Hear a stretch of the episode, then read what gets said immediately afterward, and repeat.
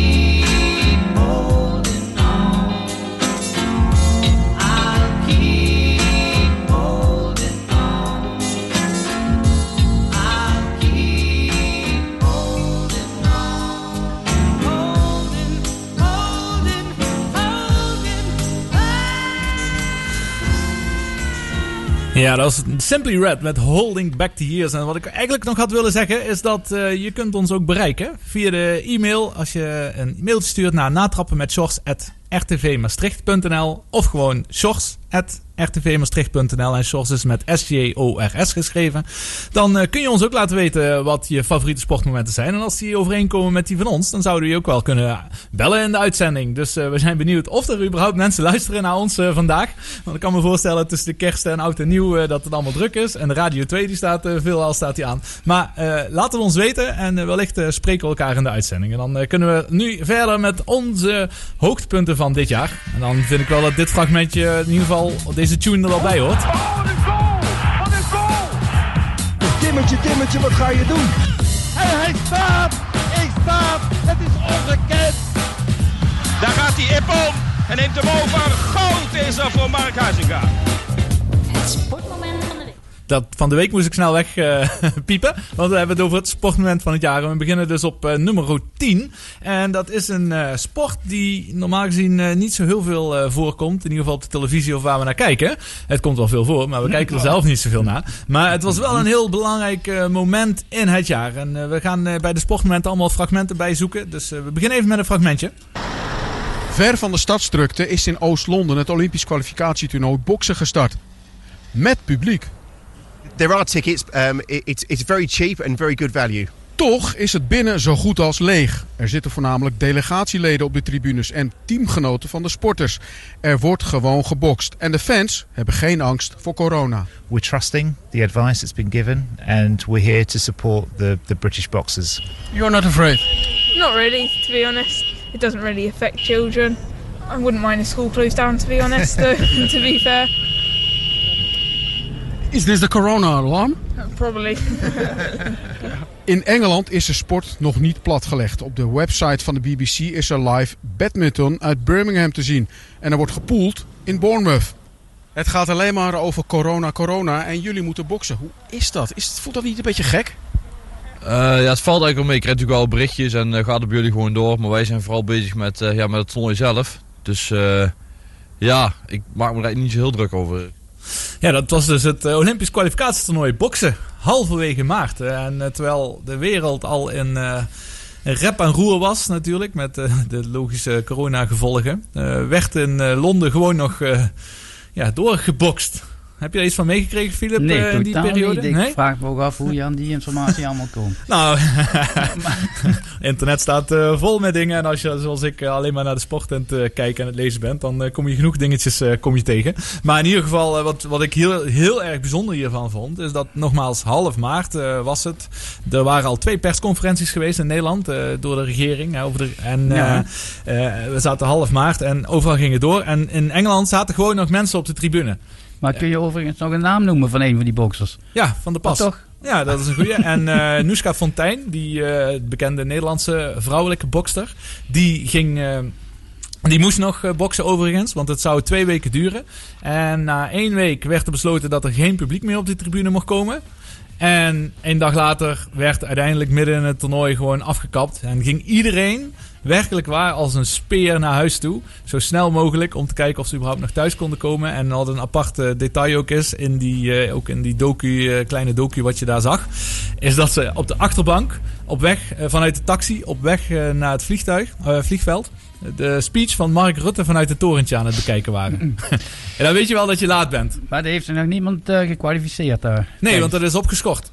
Tot een later moment. Maar dat eh, moment is natuurlijk nog niet geweest. nee. Ze hebben dat nog niet, eh, nog niet ingehaald. Dus ik vond het wel eh, een, een bijzonder moment. Omdat er wel gezegd werd. Dit was de last sport standing. Normaal bij Mhm. boksen moet je zorgen dat je de last man standing bent. Maar in dit geval was het de last sport standing. Dat was dus nummer 10 van de top 10 van 2020. eh, wat ons betreft.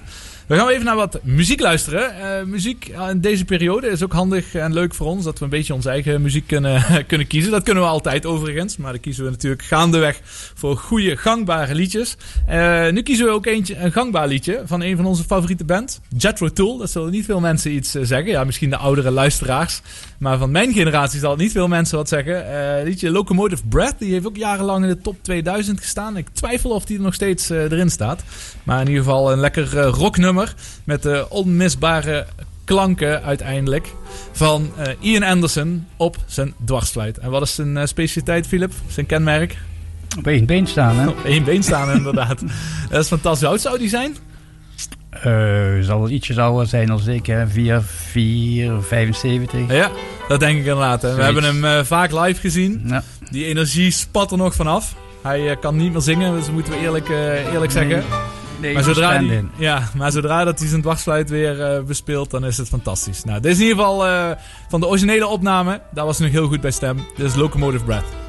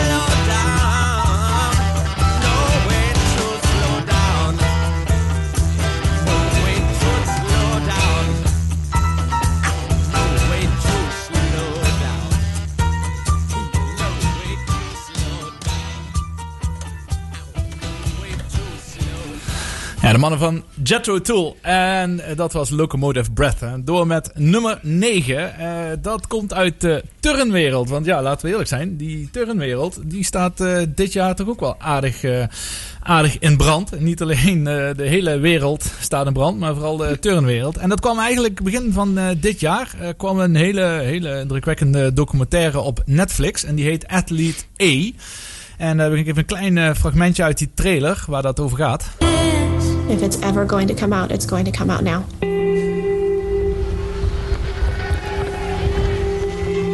Your days of manipulation are over. I'm here today with all these other women. Not victims, survivors.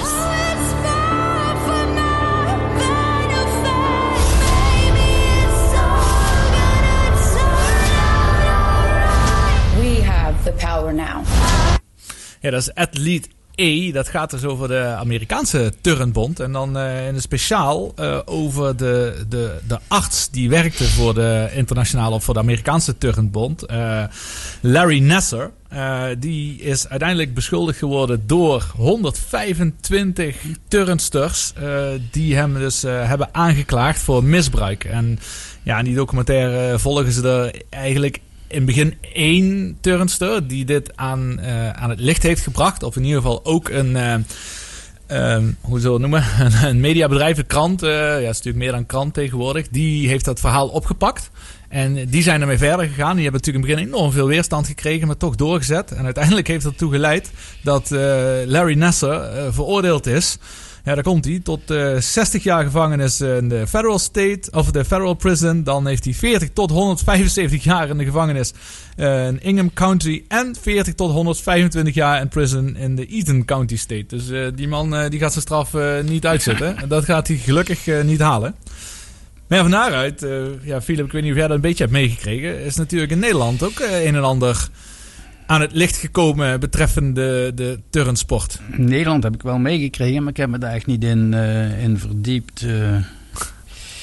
En het is nog altijd een onderzoek, neem ik aan. Hè? Ja, dat is zeker nog een onderzoek. Want het, eh, nou laat ik vooropstellen ook nog even terug over Amerika. Simone Biles, dat zeg je wellicht eh, wel wat. Ja. Die, eh, de kleine donkere turnster, die echt fantastisch kan turnen. Ongetwijfeld beste ter wereld. Die was dus ook betrokken bij dit schandaal als eh, slachtoffer. Zij heeft ook dat allemaal meegemaakt. Ja, en toen kwam dus het moment in Nederland.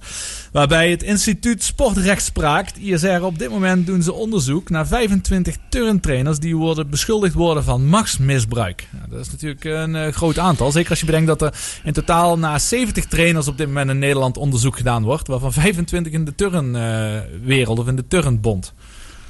Maar ja, wat is machtsmisbruik? Dat is een heel breed eh, begrip.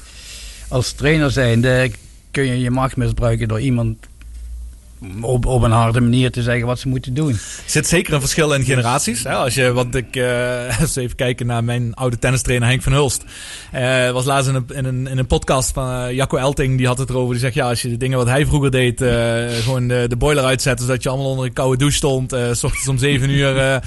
Urenlang eh, rondjes rennen en eh doodzaaie oefeningen doen. En keihard eh, op de man, op de persoon schelden, schreeuwen naar spelers. Ja, daar kom je tegenwoordig niet meer mee weg. Maar ja, wat oud-turnster Joy Goedko- Goedkoop, die heeft in Nederland dit vooral aan het rollen gebracht. En die deed bij de NOS deed zij haar verhaal. En daar had ze ook een klein stukje waarin het ging over wat dat misbruik dan ook volgens haar inderdaad precies inhield. Je wordt, ik, ik, ik stel het als vraag, je wordt geslagen soms, geschopt soms. Ik ben wel ook geslagen en geschopt door hem, ja. Ja, dat gebeurde niet, op, eh, niet dagelijks, maar eh, ehm, ja, het kleineren en het boos worden en het, eh, het negeren, dat soort dingen was wel gewoon... En op wat voor manier gebeurde dat?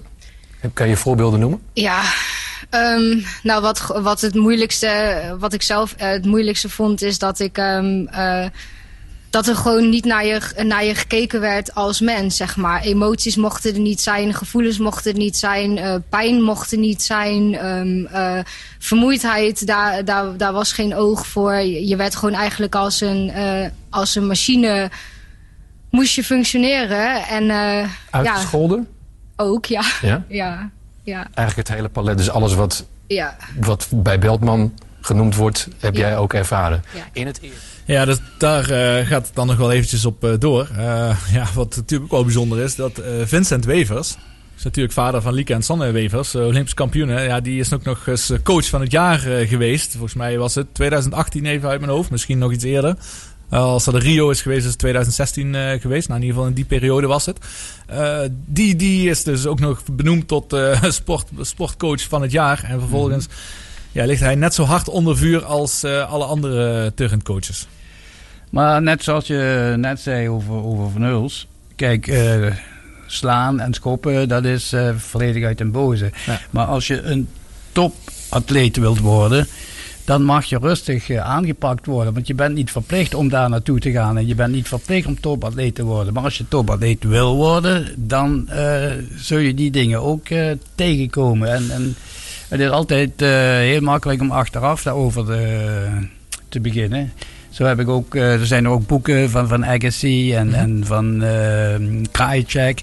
Die, die een vader of een opleider eh, achteraf, nadat ze dik miljonair zijn geworden, eh, dan een veeg uit de pan geven. Omdat ze allemaal dingen hebben moeten doen.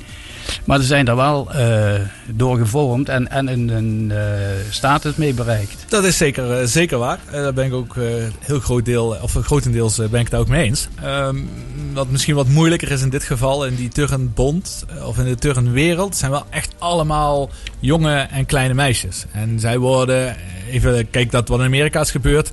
Ja, dat is natuurlijk even ook heel ander verhaal hierin. Hè. Dat is Mhm. natuurlijk sowieso, en die man is niet voor niks eh, levenslang eh, veroordeeld. Maar eh, nee, je hebt wel te maken met heel, toch wel heel kwetsbare jonge meisjes. En ik weet niet, en dat komt hier niet zo duidelijk in naar voren, of dit al direct op prestatief niveau is. Hè? Dat, dat kinderen van 10, 11, 12 al direct kiezen om het hoogste te willen halen. Of dat het ook in de breedte sport gaande is. Kijk, als je zegt eh, met Agassi of Krajcek of, of bij, in Nederland met Henk van Huls. Hij ging niet op kinderen van 10 jaar, die waren waarschijnlijk ook nog niet eens. Maar daar ging hij niet zo op los dan ten opzichte van iemand die 16, 17 is en, eh, en al echt fulltime met zijn sport bezig is. Ik denk dat daar wel een belangrijk verschil in zit. Maar weet je met turn dat dat wel zo is? Nee, dan? daarom zeg ik, Dus- dat is heel moeilijk. Hè? Dat is moeilijk om hieruit te halen. Eh, of dit in, in breedte sport ook is gebeurd. Want dat is, dan vind ik het onacceptabel. Mhm. Of dat het Ja. in de topsport al gebeurd is. Maar ja, het, moeilijke blijft natuurlijk dat, dat het een, eh, over een jonge leeftijd gaat. Jonge meisjes. En die toch wel in een kwetsbare periode van hun leven zitten. Nou, dat is sowieso eh, in ieder geval wel wat, eh, wat er aan de hand is. Die zullen beter beschermd moeten Ja. worden, dat klopt. Ja, Ja. Dus, Ja. eh, maar hoe dan ook, eh, de Turnbond eh, heeft geen goed eh, figuur geslagen eh, dit, Mhm. dit sportjaar. En het laatste woord is daar nog niet over gezegd. maar wel een vrij groot schandaal wat nu wereldwijd zich aan het ontwikkelen is. nou, ik wil zeggen, we gaan het over wat, laten we het Ja. vooral over wat leukere dingen hebben. maar het volgende fragment, dat hou ik nog wel even geheim. Eh, dat kom- komt zo dadelijk. Dat is ook niet heel erg positief. maar daar is iemand wel volledig, volledig zelf, zelf schuld dat dat niet zo positief is. We gaan snel weer naar wat eh, muziek luisteren. Eh een van de artiesten van het jaar zonder twijfel is Snelle, samen met Suzanne en Freek. noemen in het einde van de wereld, maar het is eigenlijk niet zo heel ver. En er is niets te beleven, maar dat is prima voor heel even. Eén kroeg en één kerk. Het is niets om over naar huis te schrijven, dat hoeft ook niet als ik thuis kan blijven. Ik ken elke achternaam en ieder wil liever zijn. Is stil hier aan de overkant, maar ik kom hier vandaan. Waar je fiets gewoon nog open langs de weg kan blijven staan. En af en toe dan kan de smaak van de stad me nog verleiden. Maar vertellen mijn gedachten dat ik hier had moeten blijven. Ver weg van alles, daar is iedereen dichtbij me. En het is waar wat ze zeiden. Het is stil hier aan de overkant. Maar dat maakt op zich niet uit. Kom nergens anders thuis. En ja, er rijden treinen hier. Aan de oevers van de IJssel, als je carrière maken wil, dan hoef je niet te blijven hier. Maar hier lopen wegen naar Rome gaan het bos in. Naar waar het feestje van het jaar de zwarte cross is. Daar waar het glas niet half leeg, maar half vol is. En een open deur los is. Is niets om over naar huis te schrijven, dat hoeft ook niet als ik thuis kan blijven. Elke achternaam en ieder pijn, wil nergens liever zijn. Het is stil hier aan de overkant, maar ik kom hier vandaan. Waar je fiets gewoon nog open langs de weg kan blijven staan. En af en toe dan kan de smaak van de stad me nog verleiden. Maar vertellen mijn gedachten dat ik hier had moeten blijven. Ver weg van alles, daar is iedereen dichtbij me.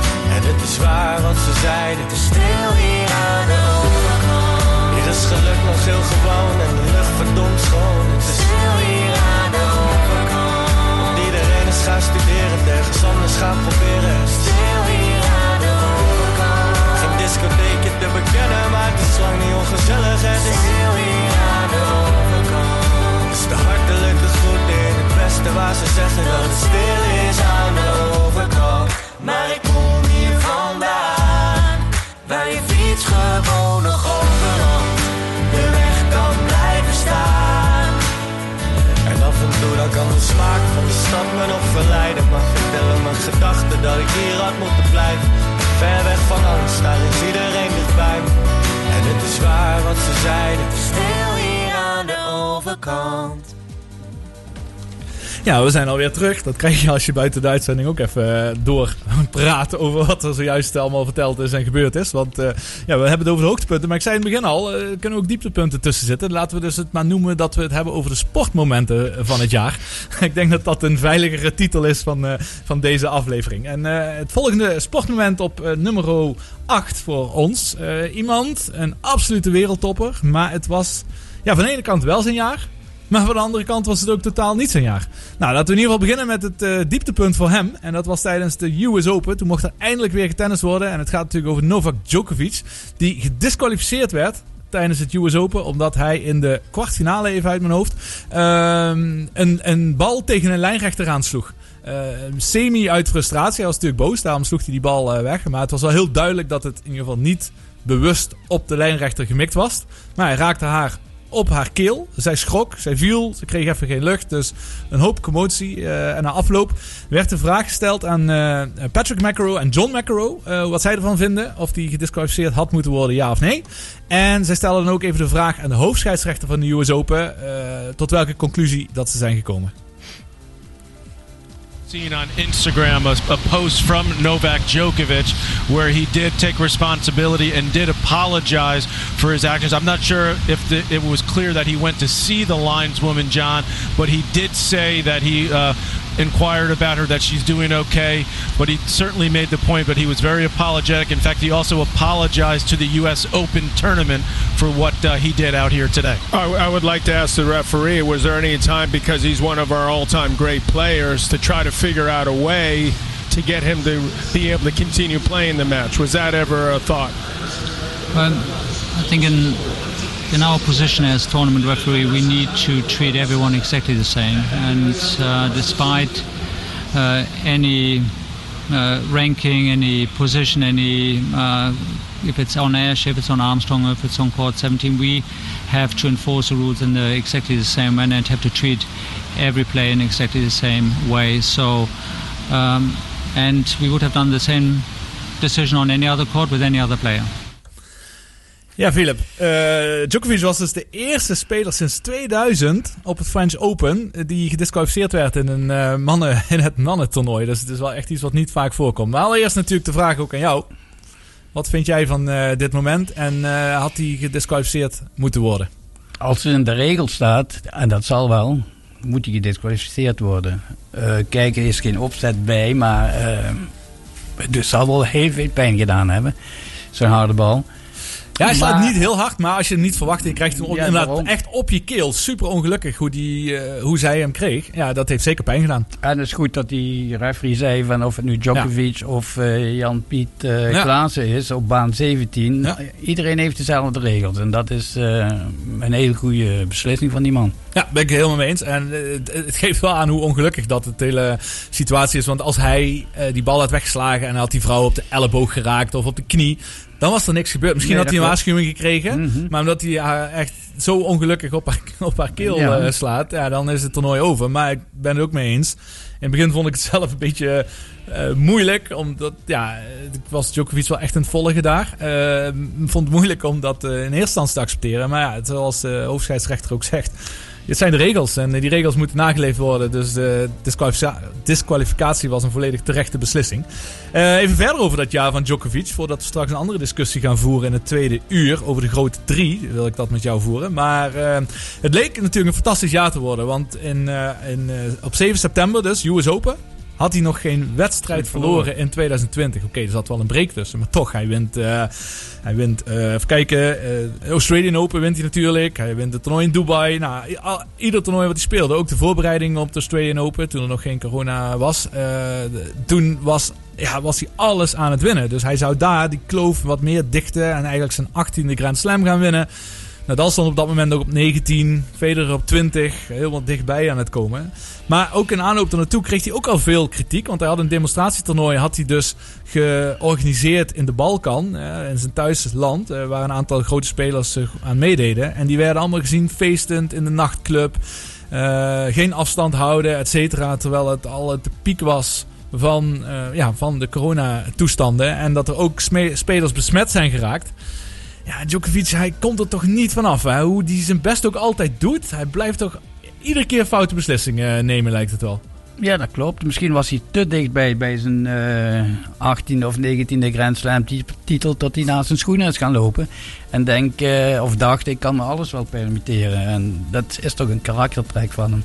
Ja, nee, ik blijf wel even dat fragment. Hè. Het blijft puur ongelukkig. Want hij slaat die bal gewoon ja, weg. nee, maar ik heb het Maar niet dat- over dat dat, is niet- Balkan, dat Balkan Precies, eh, dat verhaal wel, toernooi ja. heb ik het over. Niet over Ja. die bal. Maar eh, daar liet hij duidelijk zien van... ehm, mij kan niks gebeuren. Ik eh, ben zo goed. Ik, eh, Ja, en wat hij, dan, ja, wat hij dan vergeet, en dat doet ze Nadal en Federer wel. hij- Ze hebben, zich daar, ze hebben geen regels overtreden daar. Hè, de- de- golden, in, in, in, ik, ik weet niet of het nou in Servië was het. Daar golden niet, ja, daar golden wel bepaalde regels, maar zij hebben zich aan geen enkele regel hebben zij zich overtreden. Ehm, maar als jij zo'n functie hebt en zo'n publiek figuur bent, Mhm. dan moet je gewoon zorgen dat je dat niet doet. En dat is hetgene waar hij iedere keer verkeerde beslissingen in neemt. Voorbeeldfunctie heet dat, Ja. hè? maar ja. Er zijn er in de geschiedenis van de tennis eh, veel meer gewe- geweest die een eh, voorbeeldfunctie zouden moeten hebben en dat ook niet gedaan Ja, hebben. dat, eh, in alle sporten zijn die, zijn die wel er. Ik vind Mc- McEnroe daar een hele mooie van. Ja, ja, nee, inderdaad. En, mm, ja, zeker. Maar hij werd daardoor geliefd. De Mc- wild, ja, thing, hij de- werd geliefd. Hij de eerste was die iedereen eh Ja. verrot school, zeg Precies. maar. Ja, inderdaad. En, en ook zijn gedrag buiten het Mhm. baan, hij was anders dan anders. Alleen Djokovic heeft het probleem, die wordt gewoon niet, eh, hij wordt gewoon niet, niet geliefd door zijn acties, wat hij doet. Maar hij wordt dan ook vaak vergeleken natuurlijk met, met Federer en, en, en met, eh, met Nadal. Ja, dat die- zijn hele andere figuren. Volledig, volledig andere figuren. En Mhm. dan gaat het zich nog niet zozeer op de, hoe het op de baan gaat. Nee, maar gaat dan, daarnaast, ja. Authentiek zijn die meer. Hij speelt ook vaak eh, die rol eh, op, eh, dat hij probeert alles goed te doen. Hè, hoe hij naar het publiek wuift. Zijn hele overwinnings... eh, ru- routine na afloop wat veel te lang duurt. En veel mensen vinden het gewoon niet oprecht. En ik denk dat dat zijn grootste probleem is. Ja. En even nadeel van zijn uitstraling, daar kan hij niks Precies, aan doen. Maar, dat is het hè, wat ik bedoel. Ja. mhm. Ja.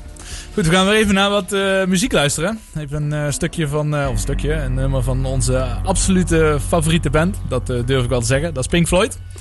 En op de radio hoor je eigenlijk alleen maar Another Brick in the Wall. En dan meestal ook niet helemaal. En deze, in de computer stond die wel mooi. Dat stonden veel Pink Floyd liedjes in de computer. Dat vind ik een heel groot compliment voor RTV Maastricht.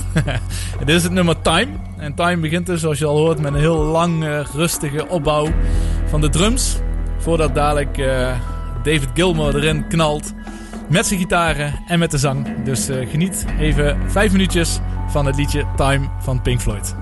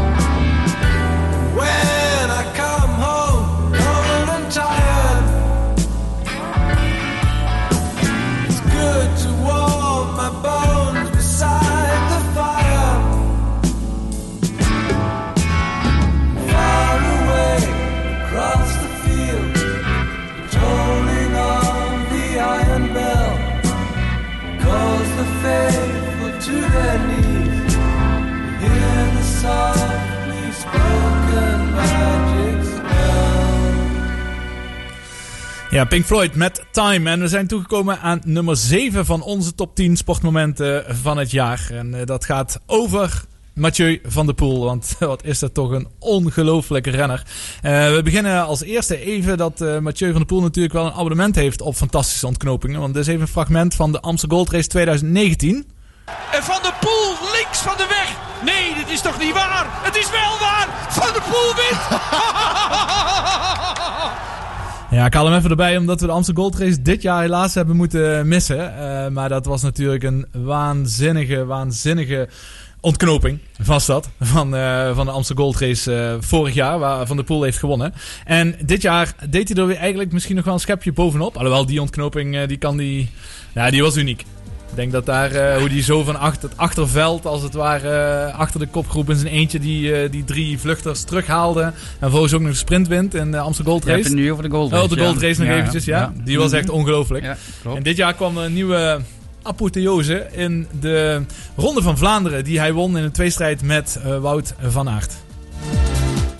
Verkwanselen? Nee, dat gaan ze nu niet meer doen. Het spel met de borden. Het spel met de borden.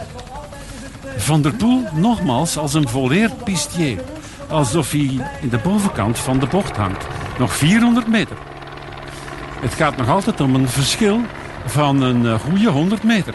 300 meter. En toch komen ze akelig dicht.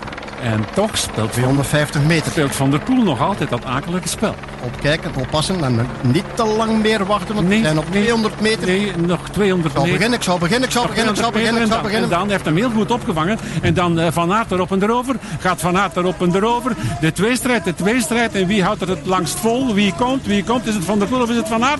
Is het Van der Poel of is het Van Aert? Het is... Het is... Het is... Het is... Ik weet het niet. Ik weet het niet. Zo zijn ze aan elkaar gewaagd. Christophe is derde. Dat met zekerheid. Zo zijn ze aan elkaar gewaagd. Kunnen we... Daar is het Van der Poel, daar is het Van der Poel, daar is het Van der Poel. Het is Van der Poel die wint. Van der Poel wint de Ronde van Vlaanderen 2020. Ja, alleen al voor het commentaar wilde ik het nog een keer laten zien en nog een keer laten luisteren. Wat mij betreft is dit ook het commentaarmoment van het, eh, van het jaar. Ja. ja, het is echt helemaal geweldig. Maar eh, even terug op die eh, tweestrijd nu tussen Van der Poel en Van Aert. Want die is wel echt geweldig. Het begon natuurlijk de week daarvoor in Gent-Wevelgem. waar ze naar elkaar aan het kijken waren en een beetje boos waren op elkaar. Maar zelfs op dit moment, Van Aert wint de laatste twee crosses. De veldrijden wint hij Mhm. dus. En gisteren of eergisteren won hij zelfs ruim van, van de Poel. Ja, volgens Van der Poel was het niet zijn eh, circuit. Was en ingekort en, en eh, de modder ligt hem niet zo als, als, als Van Aert. Maar ja, maar ja, eens. maar uit- uiteindelijk eh, is dit toch wel nog steeds een geweldige tweestrijd tussen die twee jongens. het zijn twee heel grote wielrenners. Of Ja. er worden nog grotere wielrenners als ze goed begeleid worden. Want je moet toch zorgen dat ze niet te veel hooi op hun vork nemen. Ja, Want ze kletsen overal waar, waar ze komen, kletsen ze vol tegenin. Hè. Ja, dat zag je met Van Aert wel in de Tour de Mhm, France, hoeveel ja. etappes dat hij wint. Maar wat hij allemaal deed, dat is ongekend wat hij allemaal kan. Ja. Hetzelfde geldt een beetje voor Van der Poel. Maar de vraag die ik wel eh, heb, eh, aan jou eigenlijk. eh, wat voor een soort renner denk je uiteindelijk dat Van der Poel gaat worden? Of wat kan die nog meer bereiken? Zal het echt iemand voor de klassiekers blijven, Olympische Spelen of een wereldkampioenschap? Of zal het ook een uh, ronde renner kunnen zijn? Ik denk dat Van der Poel alles zou kunnen worden, maar je kunt maar eigenlijk uitblinken op één, één vlak. Dus eh daar moet iemand voor hem kiezen. En hij zelf natuurlijk ook. Maar in principe kan hij alles. Ja, maar eh, niet alles tegelijk. Nee, dat kan niet. Maar ik, ik denk inderdaad wel dat er wel twee specialismen zitten in het wielrennen. Hè? Als je eendagskoersen of een uh, ronde Ja. renner, dat is toch wel echt een andere discipline. Ik denk ook wel een andere manier van trainen. Eendagskoers is, is pieken, pieken voor het moment. En, en, en eh, een, tour, hetzelfde welke tour. Dat is een hele andere discipline, ja. En daar komt ook heel veel geluk bij kijken natuurlijk. Als je drie weken achter elkaar eh, oh, in het peloton zit. Nee, eens. Zeker, zeker. Ja, absoluut. Daar komt zeker nog een en ander eh, bij kijken. Maar dat is in ieder geval hartstikke knap. Wat me wel opvalt, ook als je nu de nabeschouwingen leest, dat is toch één dingetje, wel een heel belangrijk ding in deze Ronde van Vlaanderen, waar heel snel aan voorbij wordt gegaan. En dat eh, fragment wil ik ook nog wel even laten horen. Maar Naast heeft al heel veel à la Philippe, val à la Philippe. En die blijft op zijn buik liggen. En dan zijn de twee Kempanen nog met z'n twee. Daar ligt hij te kronkelen van miserie. De man die de beste indrukken naliet in deze wedstrijd tot dusver. Bij zijn debuut in de Ronde van Vlaanderen ligt hij dan plat op zijn buik. En alweer moeten we een ander verhaal gaan schrijven. En nu rijden plots Van Aert en Van der Poel onder hun tweeën vooraan in de wedstrijd. Ja, laten we niet het eh, te veel als, al wat als, wat als verhaal naar boven brengen. Maar we moeten niet- zeker niet vergeten dat Alaphilippe eh tegen die motor aanknalt. Dat klopt. En wat er daarna gebeurd was, dat eh, kun je natuurlijk niet zeggen. Ik stipte hem als, als, als winnaar wel. Maar buiten dat, uh, Alaphilippe is ook eh, een van die drie grote gasten die, die overal vooraan rijden. Eh, En als je hem in de ploeg hebt, Alaphilippe, dan ben je verzekerd van reclame. Of hij rijdt voorop. Zeer of hij rijdt- spectaculaire, eh, rijder. Zelfs als hij achter een peloton rijdt, valt hij nog op. Ja, eens. Absoluut, zeer spectaculaire speler. Mhm. Nou, mooi. Dus dat is eh, even ons terugblik op eh, de Ronde van Vlaanderen. En het speciaal ook eh, Mathieu van der Poel. En ik ben ervan overtuigd dat we daar nog veel moois van kunnen gaan verwachten de komende jaren.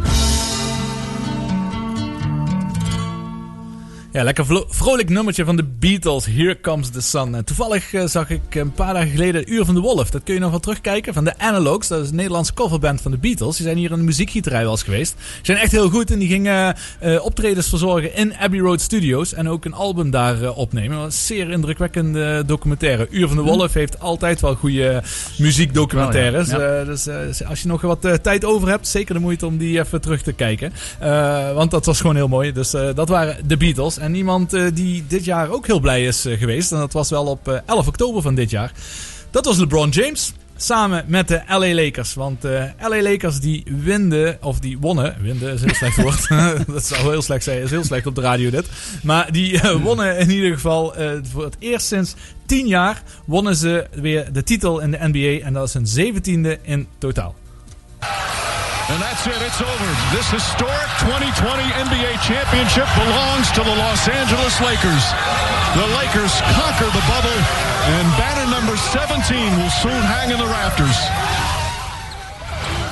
Dat is ook niet zonder eh, slag of stoot gegaan. Want laten we eerst eens beginnen met eh het dramatische jaar voor de LA Lakers. Op eh, 26 januari van dit jaar. Het overlijden van Kobe Bryant. Natuurlijk hun allergrootste club. Of één van hun allergrootste clubiconen uit de geschiedenis. Die, eh, die overleed eh, door de helikoptercrash. Nou, ik denk dat iedereen dat wel heeft eh, meegekregen in die tijd. Eh, en vervolgens eh, ja, kwam het, eh, het, het basketbalseizoen laat op gang. Die hebben echt in een bubbel in Disneyland hebben die gezeten voor een paar maanden zonder dat er iemand bij kwam. En wat me wel opviel, Philip, eh, hierin, eh, want eh, we, we hebben het vaak erover en wij ook, dat zonder publiek natuurlijk beleving vaak minder is of anders is. En maar hier, als je die ontlading van die spelers ziet na het winnen van die titel, ja, die is gigantisch. Dus hetzelfde als dat ze in een vol stadion hadden gestaan. Buiten, buiten die titel, het hele toernooi, eh, zon, ook zonder publiek, was, was zo eh, gigantisch. Zo, eh, maar ik denk een, een basketbalteam bestaat uit, uit 50 mensen misschien. Want dan twee keer 50 heb je 100 en een aanhang. Dus het was toch wel vrij druk nog in die, in die hal. Maar er was de sfeer, er was de sensatie, dat was mooi om te Ja. zien. Ja, wel absoluut, absoluut hoe, het, hoe het moest zijn. En het, Mhm. ja, Amerikanen kunnen natuurlijk show geven als geen ander.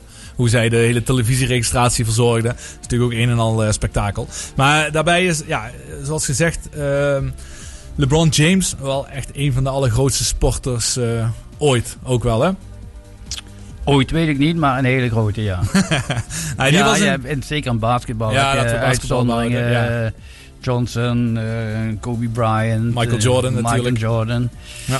Noem maar op. Eh, basketbal heb je vrij veel eh, uitblinkers. Absoluut, ja, absoluut, zeker. En eh, dat was eh, hij zeker. Want James, eh, LeBron James, voor hem is de vierde NBA-titel. En bij drie verschillende clubs. Dat is nog nooit iemand eerder gebeurd. Want hij werd er kampioen met Miami Heat, waar ze nu de finale tegen speelden. En de Cleveland Cavaliers. Dat was ook zo'n mooi hoogtepunt. Na jarenlang een titel naar de Cleveland Cavaliers breng- brengen. Dat is ook echt zelden vertoond. En hij doet het toch maar iedere keer om een heel team om zich heen te vormen.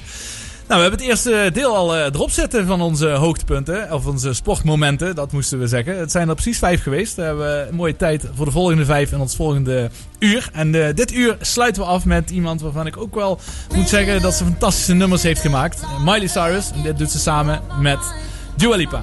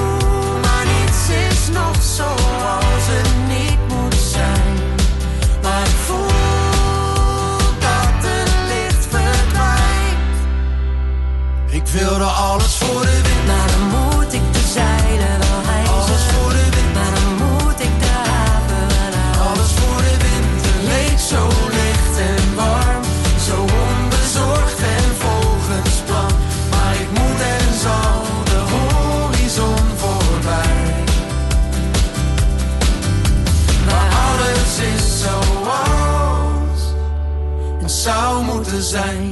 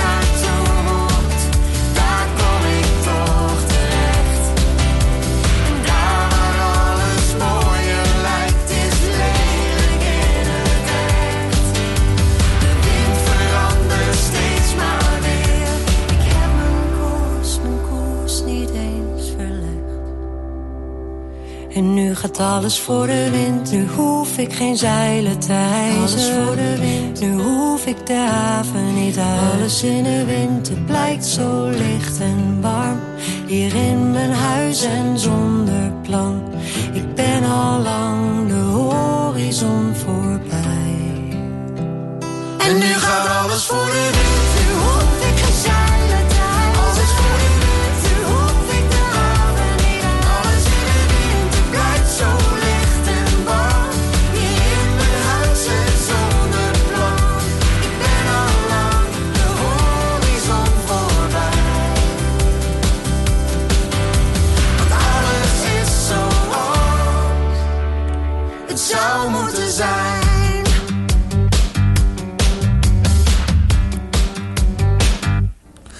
welkom terug in het tweede uur van Natrappen met Shorts. Het jaaroverzicht eh, sportmomenten eh, van het jaar. En eh, we zijn aangekomen bij nummer 5, precies op de helft. Zoals we dat perfect gepland hebben, Philip. Ja.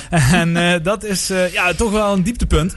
Absoluut dieptepunt. Eh, van de andere kant een eh, klein hoogtepunt dat het wonder boven wonder toch goed is eh, afgelopen. Maar dat komt in ieder geval weer uit het wielrennen.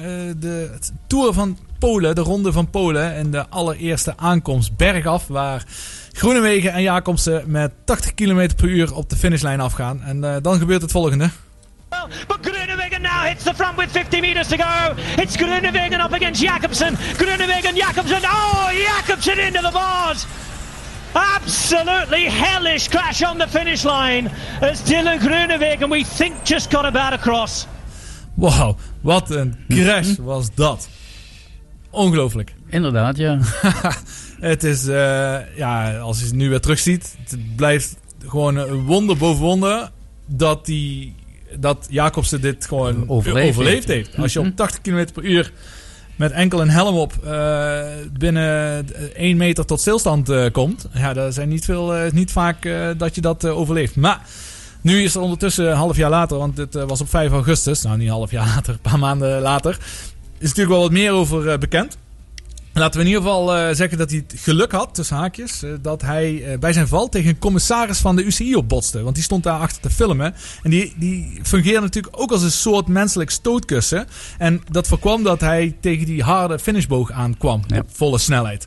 Ja, dat geluk moet je dan ook wel weer, moet je ook weer hebben. En zijn ploegmaat Florian Seneschal, als ik dat goed uitspreek. is zijn, eh, ja, die is naar hem toegerend en die zag dat hij een sticker was in zijn eigen bloed.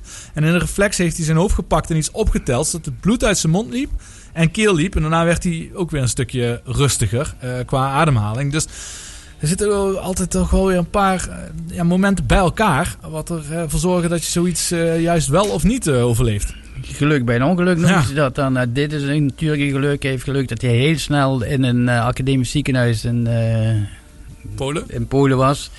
Waar hij dus meteen eh, geholpen is eh, kunnen worden. Dus dat zijn de gelukjes bij een zwaar ongeluk, ja.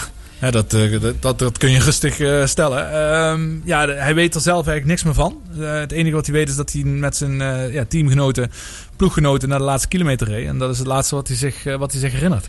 Ja. Gelukkig gaat het allemaal een stukje beter met hem. En eh, is hij op zich op de weg terug. Heeft al een paar rustige fietsrondjes eh, gedaan. Eh, maar voor augustus volgend jaar verwacht, wordt een, een rentree niet verwacht. En zelfs dat vind ik al eh, behoorlijk eh, eh, vroeg. En dan vraag ik me ook af. Hoe lang heb- heeft een lijf, niet alleen mentaal, maar hoe lang heeft een lijf nodig om van zoiets te herstellen? Ja, niet En alleen. kun je op, nog op dat niveau komen?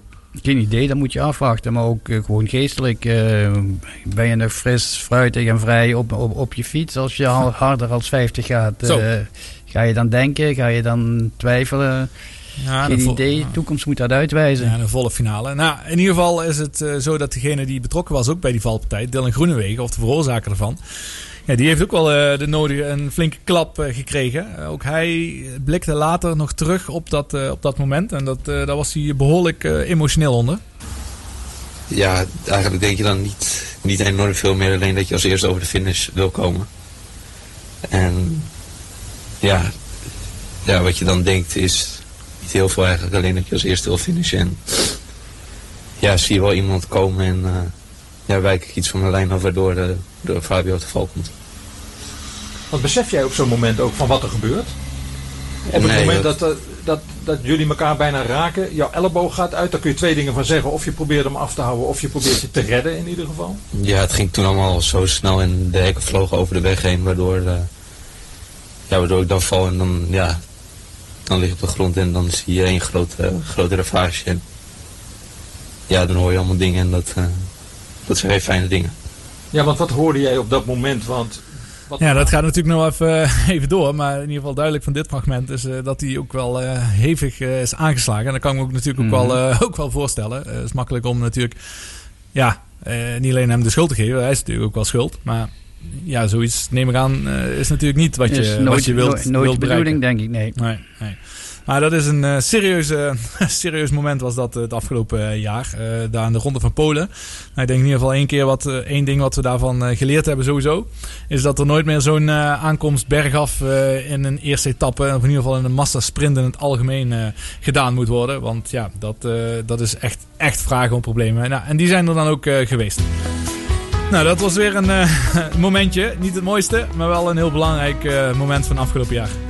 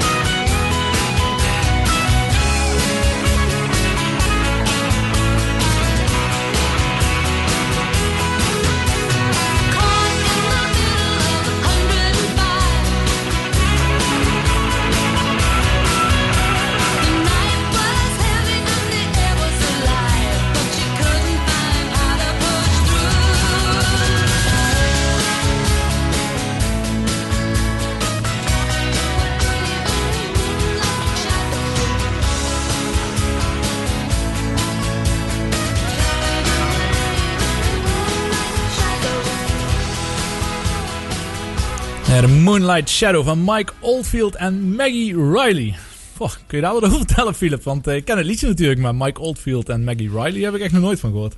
Ja, Maggie Riley is daar eh, zeg maar ingehuurd. Mike Oldfield is eigenlijk een, een ehm, studio, studio eh, muzikant die, Ja. die alle instrumenten zelf speelt. En voor dit liedje heeft eh, die zangeres mooi. ingehuurd. Nou, schitterend, schitterend nummer, lekker tempo. Ja, absoluut. Nee, eh, iets waar ik niet zelf snel op zou komen, maar eh, absoluut zeker de moeite om die, eh, om die weer eens gehoord te hebben. We gaan naar de nummer 4 en dat heeft alles te maken met de veelvraat die Lewis Hamilton heet. Want hij wint dit jaar natuurlijk voor de zevende keer, wordt hij wereldkampioen in zijn carrière, heeft 95 Grand Prix overwinningen. En het absolute record is dat eh, qua Grand Prix overwinningen. En hij zit nu eh evenaart natuurlijk het record van eh, Michael Schumacher. En we luisteren even hoe hij dat eh, beleefde. En dat hij naar die krankzinnige race in eh, Turkije over de streep kwam. En erachter kwam eh, dat hij wereldkampioen was geworden via de boordradio. What a way to do it, mate. What a way to win your seventh world title. Mate, you have got to be proud of that. What an awesome drive.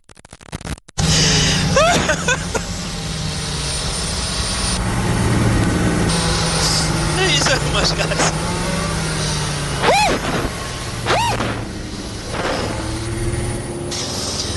That's for all the kids out there who dream the impossible. You can do it too, man. I believe in you guys. Thank you so much, everyone, for your support. Louis, congratulations for the seventh title. I couldn't have done it better.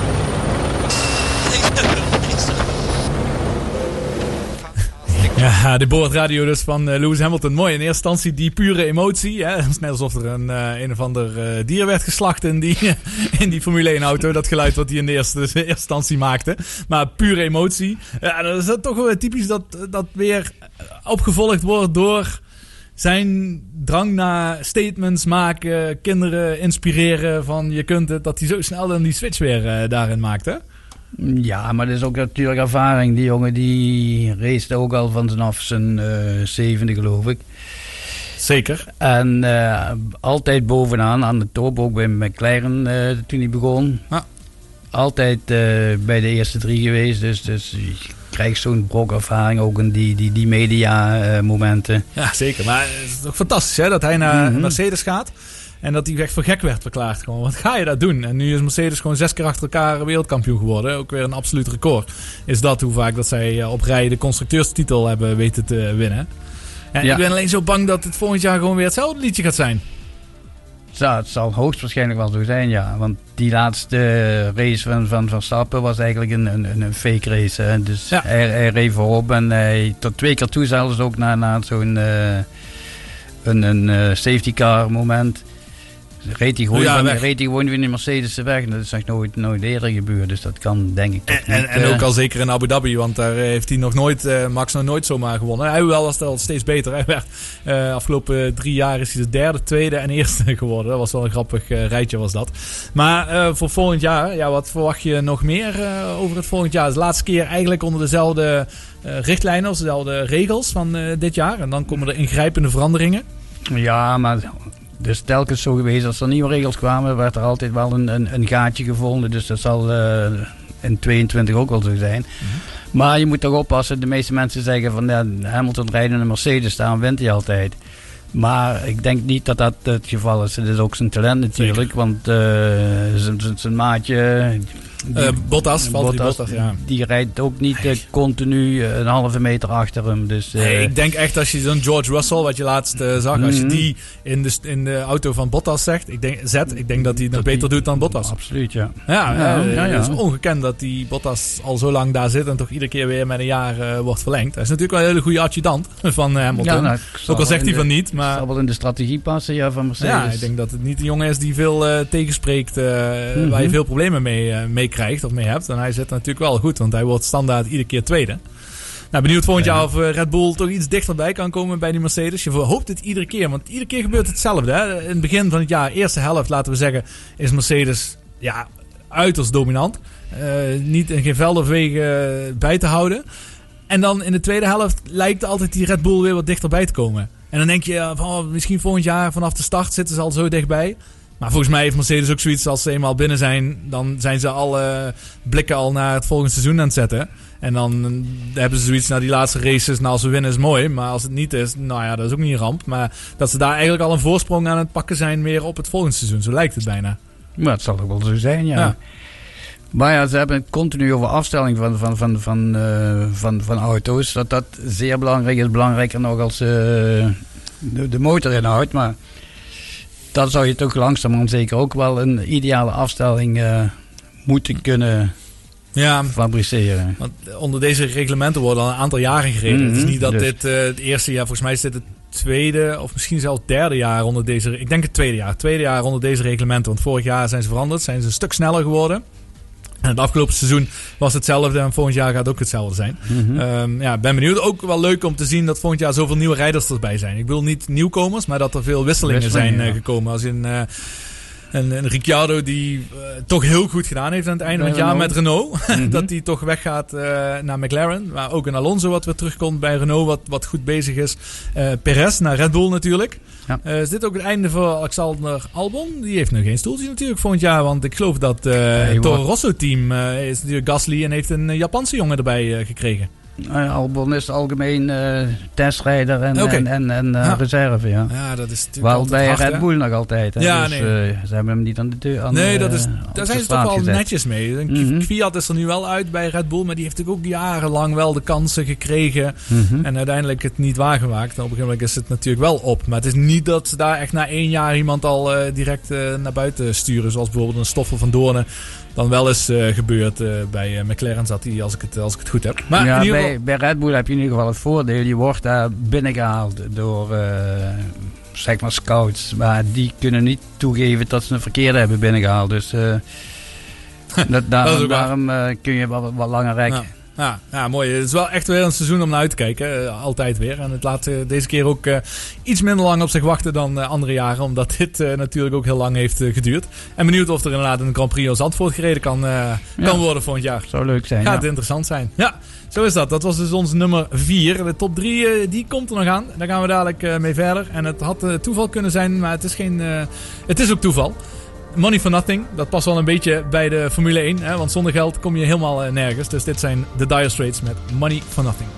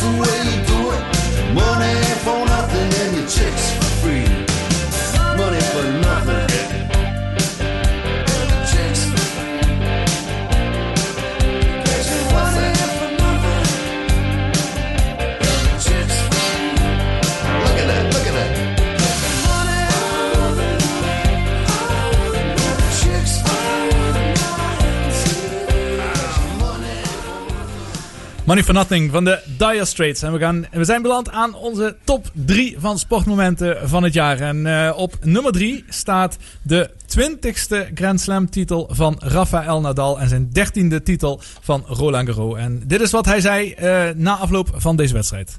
Winning here in our time is, uh, I even cannot say dream. No, it's something that I is out of my, I'm out of my uh, better thoughts. No, so uh, yeah, super happy for for everything. For me, as everybody know here, uh, this court is the most important court in my in my tennis career. No, the court that I.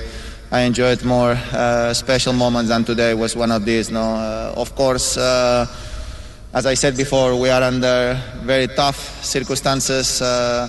In some ways, is not that happy because uh, we can't celebrate the the, the tournament tournament in a normal way.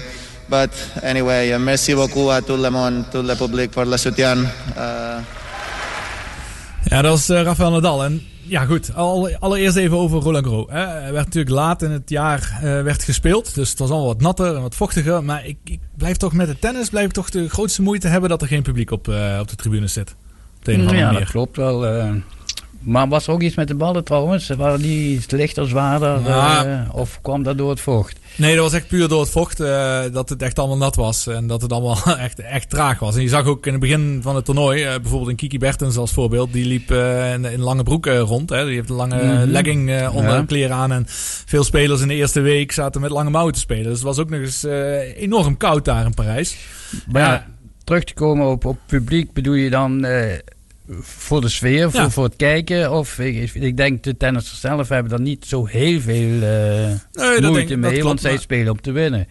En of dat nu eh, duizend man zitten. Ik of, denk dat eh, het ook voor de tennis... Tuurlijk spelen ze voor te winnen. Maar ik denk Dus- net als andere sporters, maar ook bij tennissers... Ja, dat, dat publiek geeft wel echt een extra dimensie. Ja, Zeker in zo'n finale. eh Cour eh, Philippe Chartrier, het centercourt, als dat vol zit. Ja, dat, dat, dat en dat is, dat is vele malen mooier. Ook, ook zo'n overwinning geeft het ook wel meer glans. Wanneer dat publiek zit. Maar in ieder geval, dat is mijn persoonlijke mening. Ik vind bij tennis mis ik het wel het meeste ten opzichte van, eh, van bij andere sporten eigenlijk. Had jij dat vroeger ook dan? Als er, Ja, als er ik vond het wel mooi. Veel mensen waren, speelde je beter. Nee, het was wel leuker. Ik zeg Ja, niet per definitie ja. dat je beter speelt. maar, maar- het is wel een andere, totaal andere beleving. Het is een andere Wanneer je met z'n... Het blijft toch, het, ook als je kijkt, maar ja, zij zullen zeker niet hebben dat het al voelt als een trainingspartijtje. Maar als jij zelf speelt op, eh, weet ik veel, baan 6 in een eh, toernooi hier in Nederland, een groot toernooi of zo, en daar staat niemand te kijken. Nou, dat voelt toch wel totaal anders aan dan wanneer je op eh, centercourt staat en, en er misschien een paar honderd man langs kant stonden. Dat, dat, dat is wel echt een wereld van verschil. Dat klopt, ja. Maar goed, in ieder geval is het wel zo dat eh, ja, Nadal dus eh, daar zich weinig van heeft aangetrokken. En op voorhand werden toch door heel veel mensen eh, gezegd dat Nadal de, de, wel eens de, de grootste teleurstelling van Roland Garros zou kunnen gaan worden. Er waren echt veel. Er waren niet veel mensen die van tevoren zeiden van ja, die Nadal die gaat gewoon weer Roland Garros winnen. Maar niets is minder, minder waar, want hoe speelde die finale? Dat was Ja. 6-0, 6-2, 6-4. Mhm. Dus dat was echt ongekend. Maar hoe lang zou hij dat volhouden, denk je? Ja, want wie, wie al een paar jaar. Want wie is op gravel, zeg maar nummer 2 dan? Ja, op het team, ogenblik. Team. Oké, die verloor in een, een triller vijf sets van Schwartzman. Dat zal niet heel vaak gebeuren meer. Maar Team is wel absoluut zijn uitdager op gravel. Ja, dan heeft hij, ja, goed, we hebben in, in, in een, de eerste aflevering was net eh, nadat de finale was geweest. En toen hebben we ook eh, kunnen zien dat eh, Nadal pas slechts een paar keer van zijn, eh, van zijn finales daar, van die 13 finales, pas een paar keer een set heeft verloren. Misschien vier keer dat hij vier sets won. En de rest heeft hij alles in drie sets gewonnen. Ja. In de finale. En ik weet überhaupt niet of hij wel eens een vijfsetter gespeeld heeft op Roland Garros in al die jaren In- tijd. Het zou Ah. kunnen hoor, maar het is toch, eh, misschien tegen het team een keer in de halve finale. Maar eh, het is toch niet, niet, vaak, eh, niet vaak voorgekomen in ieder geval. Maar hij speelt als een robot op, eh, Ja. op gravel, hè. Nou, het is, Dit is... je zag Djokovic ook. evenaren. kwam ook gewoon. Ja, hij wist het gewoon niet. Hij probeerde van Mhm. alles in die wedstrijd. En niks was goed genoeg om Nadal ook maar te, te laten wankelen daarin. Maar nu ga ik toch even die, eh, de andere vraag eh, stellen. Hè? Want we hebben natuurlijk vaak over Djokovic, Federer en Nadal. eh, waarbij dus Djokovic 17 Grand Slams heeft, Federer 20 en Nadal ook 20 Grand Slams. Maar wie vind jij nu de, de beste tennisser ooit? Dat is heel moeilijk te zeggen hoor. Er zijn als buiten hun in, in, in, in een andere tijd ook genoeg tennissers waarvan men toen dacht dat ze de beste tennissers ooit waren. Dus eh, ze spelen allemaal goed. En om dan te zeggen dat is absoluut de beste. De ene van meer uitstraling, de andere eh, wat meer vechtlust. eh, pak, pak Nadal, eh Federer heeft zijn uitstraling.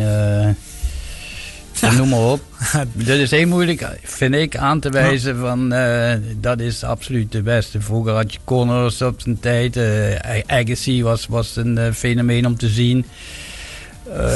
Noem maar op, Sampras, weer een hele andere type. Dat klopt. Maar toch zijn die nooit zo dominant geweest ten opzichte van een, in ieder geval een begin een Federer. En daarna een Nadal en Djokovic. En als je alleen al bedenkt dat de afgelopen zes jaren... eh, tot aan de uitschakeling van eh, de disqualificatie van Djokovic... zes jaar lang zijn zij de drie spelers geweest... die alle Grand Slams onderling verdeeld hebben. Er is gewoon nooit een, een andere speler tussengekomen die Ja, afgelopen nee, zes maar jaar. eh, pak in die tijd dat zij speelden, als je dan een, een de top 10 pakt, er zijn nog drie van over, dat zijn zij. Dus dat wil eigenlijk zeggen dat ze in een vacuüm gespeeld hebben eh, qua tegenstanders. Ja, omdat ze zo goed zijn. Omdat ze zo goed zijn. Ja, omdat ze zoveel beter zijn dan de rest is De rest is allemaal afgehaakt. Ja. Eh. Dus, dus vandaar dat zij dat nog eh, Ja. zo lang volhouden.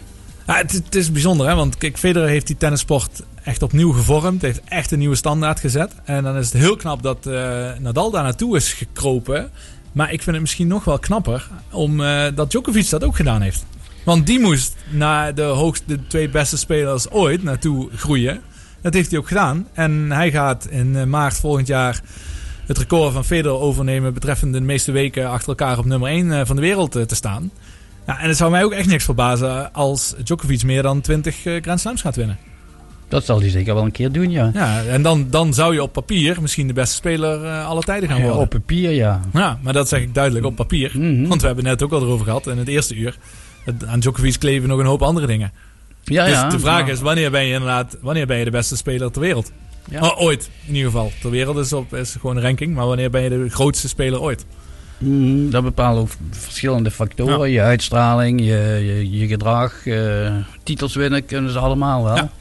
Maar als, Maar- als je nu eh een van de drie moet noemen... Ik vind Federer nog altijd het mooiste tennis spelen. Nou, dat was de vraag niet. Wie is de grootste speler ooit? van Ja. deze drie. Van deze drie, Federer. Ja, ik eh, ga met je mee. Ik zeg ook nog steeds Federer, omdat hij het spel gewoon opnieuw heeft gevormd. En eh, echt de benchmark is geweest weer voor een eh, nieuwe generatie. Ja, en over een tijdje zullen we die discussie wel weer opnieuw kunnen gaan voeren. Wanneer eh, Nadal misschien eh, volgend jaar opnieuw Roland Garros wint of een ander toernooi. En eh, Djokovic nog een paar Grand Slams erbij. Ja, en Federer, eh, ja, ik maak me wel zorgen over hem. Want hij heeft zich nu afgemeld gisteren voor de Australian Open volgend jaar. Mhm. Het lijkt erop alsof hij moet gaan pieken naar eh, Wimbledon. En, en wie weet of dat gaat lukken. Eh, ja, toch bang. Voor de eerste keer ben ik toch wel bang dat langzaam maar zeker eh, einde carrière Federer in zicht eh, begint te raken. Ja, maar dat hebben we ook al een paar keer gezegd. Ja. Hè? Maar dus, Ja, het is een beetje dezelfde hij zal inderdaad, met, eh, eh, inderdaad gaan pieken voor, Ja. voor twee of drie eh, evenementen. Dat denk ik ook. Nou, dat gaan we volgend jaar zien. In ieder geval hebben we nog twee hoogtepunten of sportmomenten te gaan. En dan gaan we verder dadelijk na Jerry Rafferty met Right Down the Line.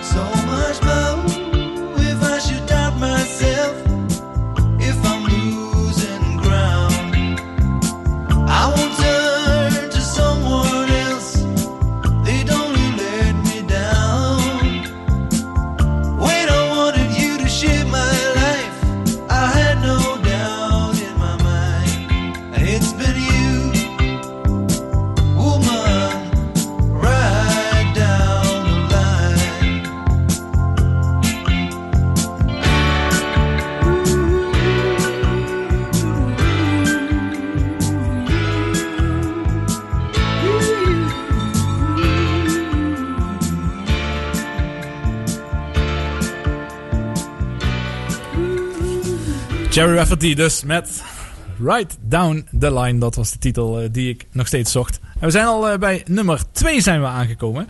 Van onze top 10 van de sportmomenten van het jaar 2020. En eh, de top, of nummer 2, dat komt absoluut uit de Tour de France. Want dat was wel een bizarre ontknoping.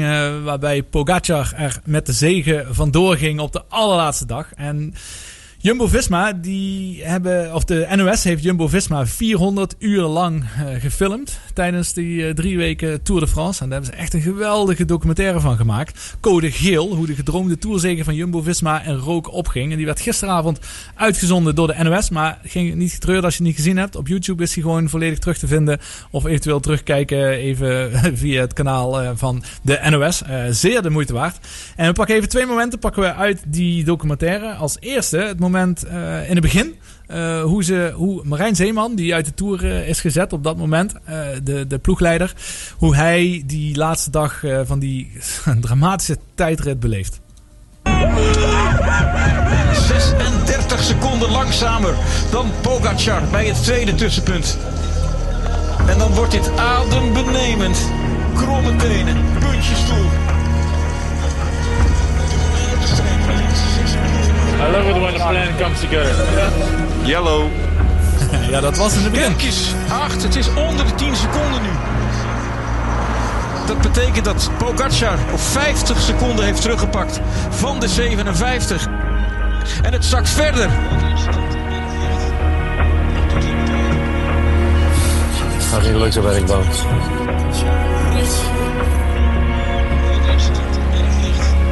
Sorry jongens, maar ik, ik ga weg.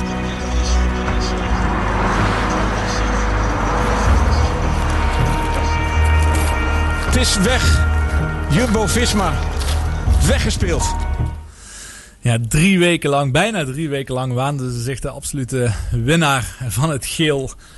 Ja, en op het laatste zie je dus een Marijn Zeeman die dus niet meer in de ploegauto mag eh, zitten. Omdat die, ja, ze hadden aan de fiets gezeten van, eh, volgens mij van uh, zelf. Hè, moest gecontroleerd worden na afloop. En daar had hij, was hij zo boos over geweest, geworden. Omdat er geen eh, mechanicien van Jumbo-Visma bij mocht zijn. Dus ze hadden kunnen knoeien met de fiets, hè, bij wijze van.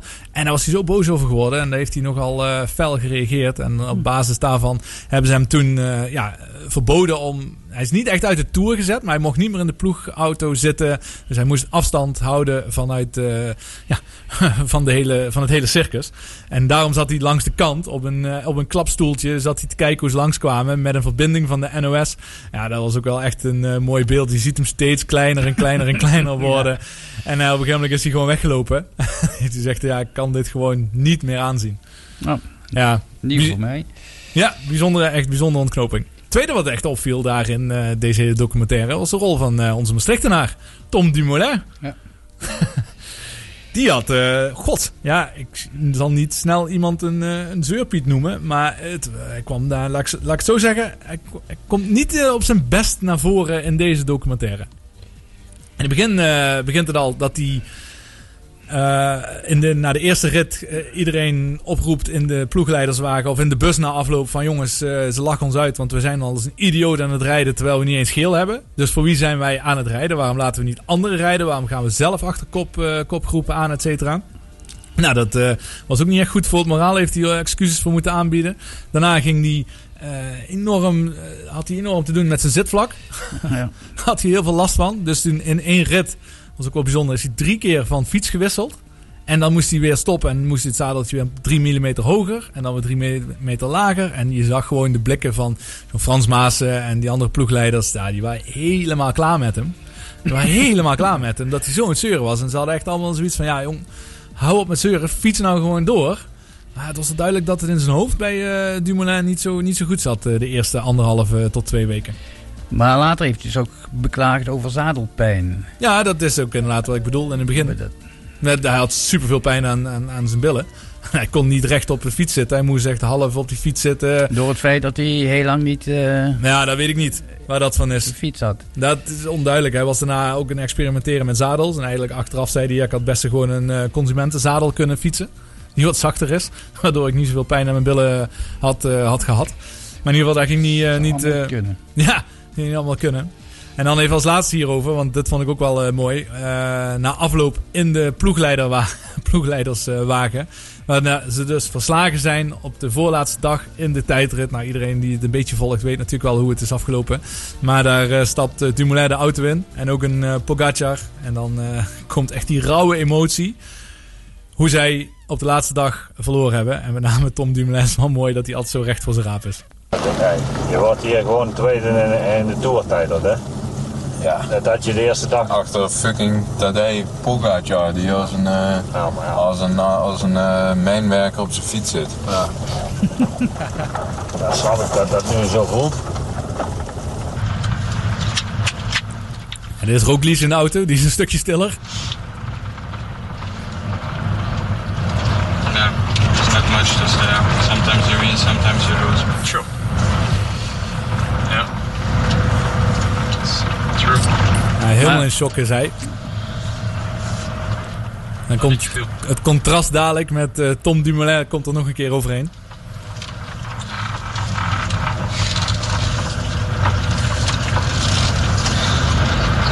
I was dying. Uh, I gave, uh, yeah,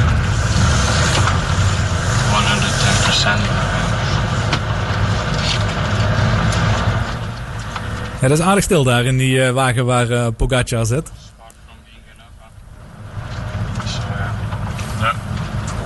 Anderhalve minuut, hè? Terwijl ik gewoon een wereld... Ik ben met, met die tijdrit vandaag...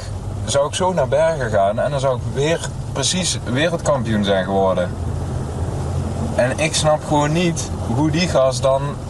Ja, die had mij in Bergen ook op anderhalf minuut gereden. Maar die heeft hij niet meegedaan. Ik kan geen enkele oplossing bedenken hoe ik in godsnaams anderhalf minuut sneller had moeten gaan. Ja, ik, ik vind het geweldig om deze rauwe emotie te zien en te horen. Want daar kom je normaal kom je daar niet zo dichtbij.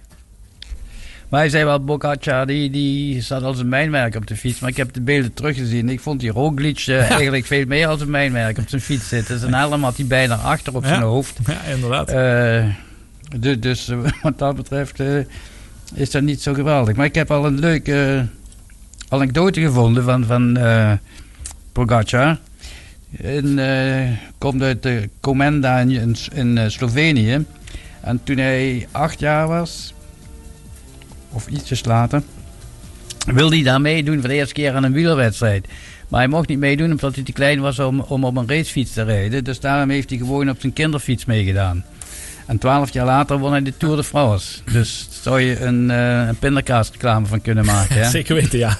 Dat is een echte pindakaas eh, is dat. Ja, en ook hier weer geldt. Ik ben benieuwd hè, hoe, dit, hoe dit gaat. Want eh, Bernal, die vorig jaar won, werd meteen gezegd... ja, de komende vijf, zes jaar is het Bernal die gaat winnen. Hier de Tour, eh, de nieuwe Froome is opgestaan, et cetera. Ja, hetzelfde is natuurlijk heel logisch om niet te denken van die Pogacar. Die gaat het ook wel even jarenlang achter elkaar doen. Omdat hij nog zo ontzettend jong is. Maar ook dat, eh, daar is ook zeker geen zekerheden in. Eén keer verkeerd vallen bijvoorbeeld. zoals een Tom. Dumoulin. eh, Dan Mhm. gaat hij sukkelen met zijn knie. Nu gaat het in zijn hoofd zitten. Ja, en die heeft nog, nog, nog steeds een eh, lange weg terug naar de absolute wereldtop. Benieuwd hoe dat gaat zijn. Dat is iets weer voor volgend jaar. Daar kijken we zeker naar uit. Tot de, in ieder geval was dat onze nummer 2 van de sportmomenten van het jaar. We gaan weer even naar wat muziek luisteren voordat we terugkomen bij de ontknoping.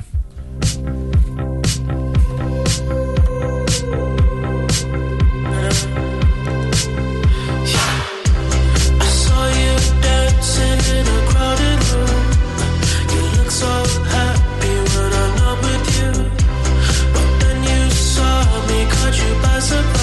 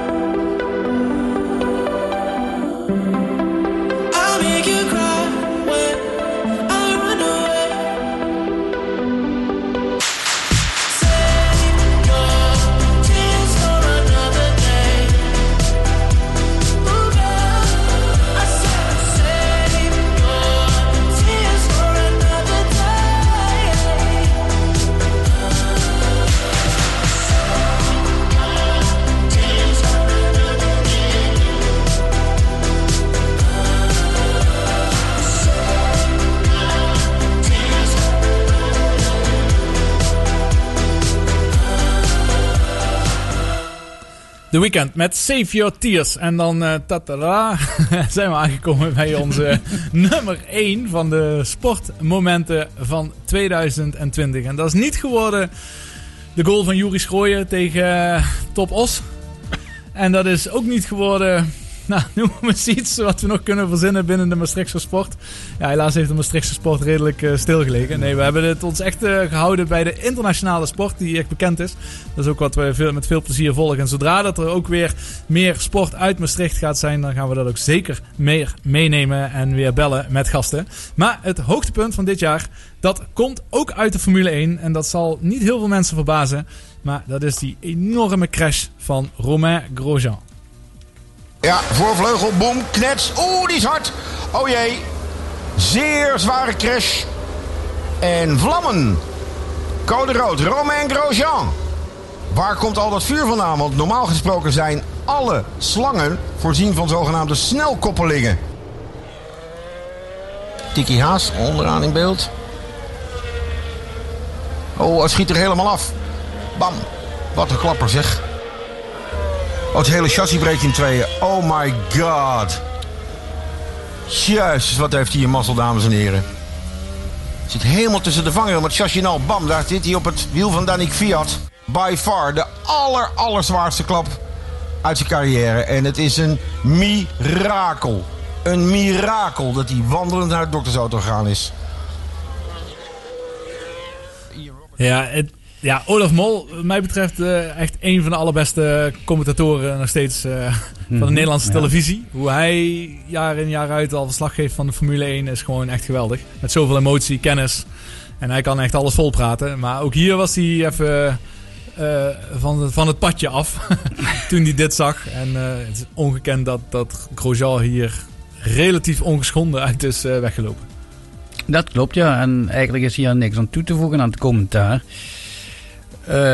Alle, alle details zijn wel bekend waarom, ze, waarom hij dat heeft kunnen overleven. Door de, gewoon de, de safety maatregelen die in de loop der jaren genomen zijn. Verder heb ik gehoord dat hij besloten heeft om niet meer te racen. Klopt dat? Dat weet ik niet. Maar ja, het is natuurlijk wel eh, zuur voor hem dat dit ook tevens zijn laatste Formule 1 race sowieso is geweest. Omdat hij eh, gewoon simpelweg al eh, geen stoeltje had voor het volgend jaar. dat is natuurlijk wel, je kunt wel zeggen, he goes with a bang. dat kun je wel vertellen, maar, Maar stond hij niet op de manier op- hoe hij dat wilde. Op de nominatie voor eh, Red Bull. Nee, nee, nee, zeker niet. Nee, nee, nee. Nee? Het was al de, het enige wat hij gevraagd heeft, eh, is dat hij hopende, hoopt dat een keer nog eens een Formule 1 team hem eh, de kans geeft om nog eens een paar rondjes eh, te rijden. Al is het op een afgesloten circuit. In een test gebeuren, weet ik veel. Om op die, want hij heeft wel zoiets van, ja, ik kan niet eindigen met, met deze knal in die vangrail. Dus er was een wens van, hem- van hem na, Na afloop, na- ja, ja, ja. Toen Mhm. ook bleek dat het onmogelijk voor hem was om te herstellen voor eh, de race van Abu Dhabi. Mhm. Ja, dat was waanzinnig. Maar ook als je dan die beelden net weer erbij ziet.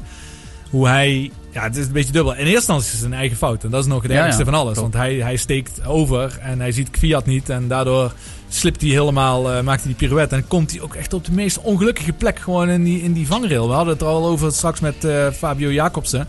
Met eh, Dylan Groenewegen. Hoe ongelukkig, hoe het allemaal bij elkaar komt. Nou, dit ook. Hij kan volgens mij op ieder, iedere moment op het circuit... kan hij de banden of de muur in vliegen. En dan schamt hij er langs af. Ja. Maar op de een of andere manier schiet hij net een stukje waar het haaks naar hem toe staat. En staat hij meteen stil. Ja, daar houdt ook niemand rekening mee dat je meteen, naar, dat- de eerste, dat je meteen naar de eerste bocht uh, loodreich op, op een muur gaat afrijden. hè? Nee, ja, en zo zie je maar weer dat zeker in de Formule 1, eh, op het moment dat je, er gebeurt net hetgene waar je nooit rekening mee had gehouden. Eh, want ik kan me ook nog eens herinneren, ik, oh, ik weet even niet meer zijn naam, die overleden is, die ook eh, in een kraan eh, is gereden die er nog stond omdat die aan het eh, weg aan het bergen waren. Een keer een schroefje in de helm van Barrichello terechtgekomen, die, die losvloog. Ja, dat zijn allemaal dingen, daar hou je van, van zo lang als leven hou je daar geen rekening mee. Daar ga je niet vanuit, nee. Nee, en toch gebeurt het. En dat zie je maar weer. Maar ja, de grote winnaar hierin is zeker de FIA geweest. Dat dit na te vertellen is door Grosjean. En eh, Mhm. Dit was echt een enorme knal. En eh, die, die is ook met stip, eh, denk ik, bij iedereen wel op nummer 1. Als je bedenkt wat eh, de, de sportmomenten van het afgelopen jaar zijn geweest. Iedereen heeft dit wel gezien. En ik denk dat dat inderdaad wel een hele goede, goede afsluiter is hiervoor. Goed zo. Goed zo, mooi. Nou, ik hoop dat jullie het leuk vonden om eh, met ons mee te luisteren En naar bedankt, onze bedankt voor hoogtepunten. de berichtjes allemaal. Ja, bedankt voor de berichten allemaal. we zijn er bijna niet aan toegekomen, zoveel waren het. Het was onmogelijk om daar een selectie in eh, te maken. Maar we zijn de uitzending weer heel makkelijk doorgekomen. Philip, bedankt voor dit jaar. Ja, heel graag dit, gedaan. dit was het, eh, was het jaar voor ons. Mhm. Maar ja, volgend jaar is alweer het nieuwe jaar. En dan zijn we er weer terug met eh Natrappen met Sjors. En wij gaan eruit, ook met een soort knal. En dat doen wij met Queen. En dat is de Crazy Little Thing Called Love. Ons laatste nummertje van 2020. En tot het volgend jaar. Blijf gezond en een fijn uiteinde.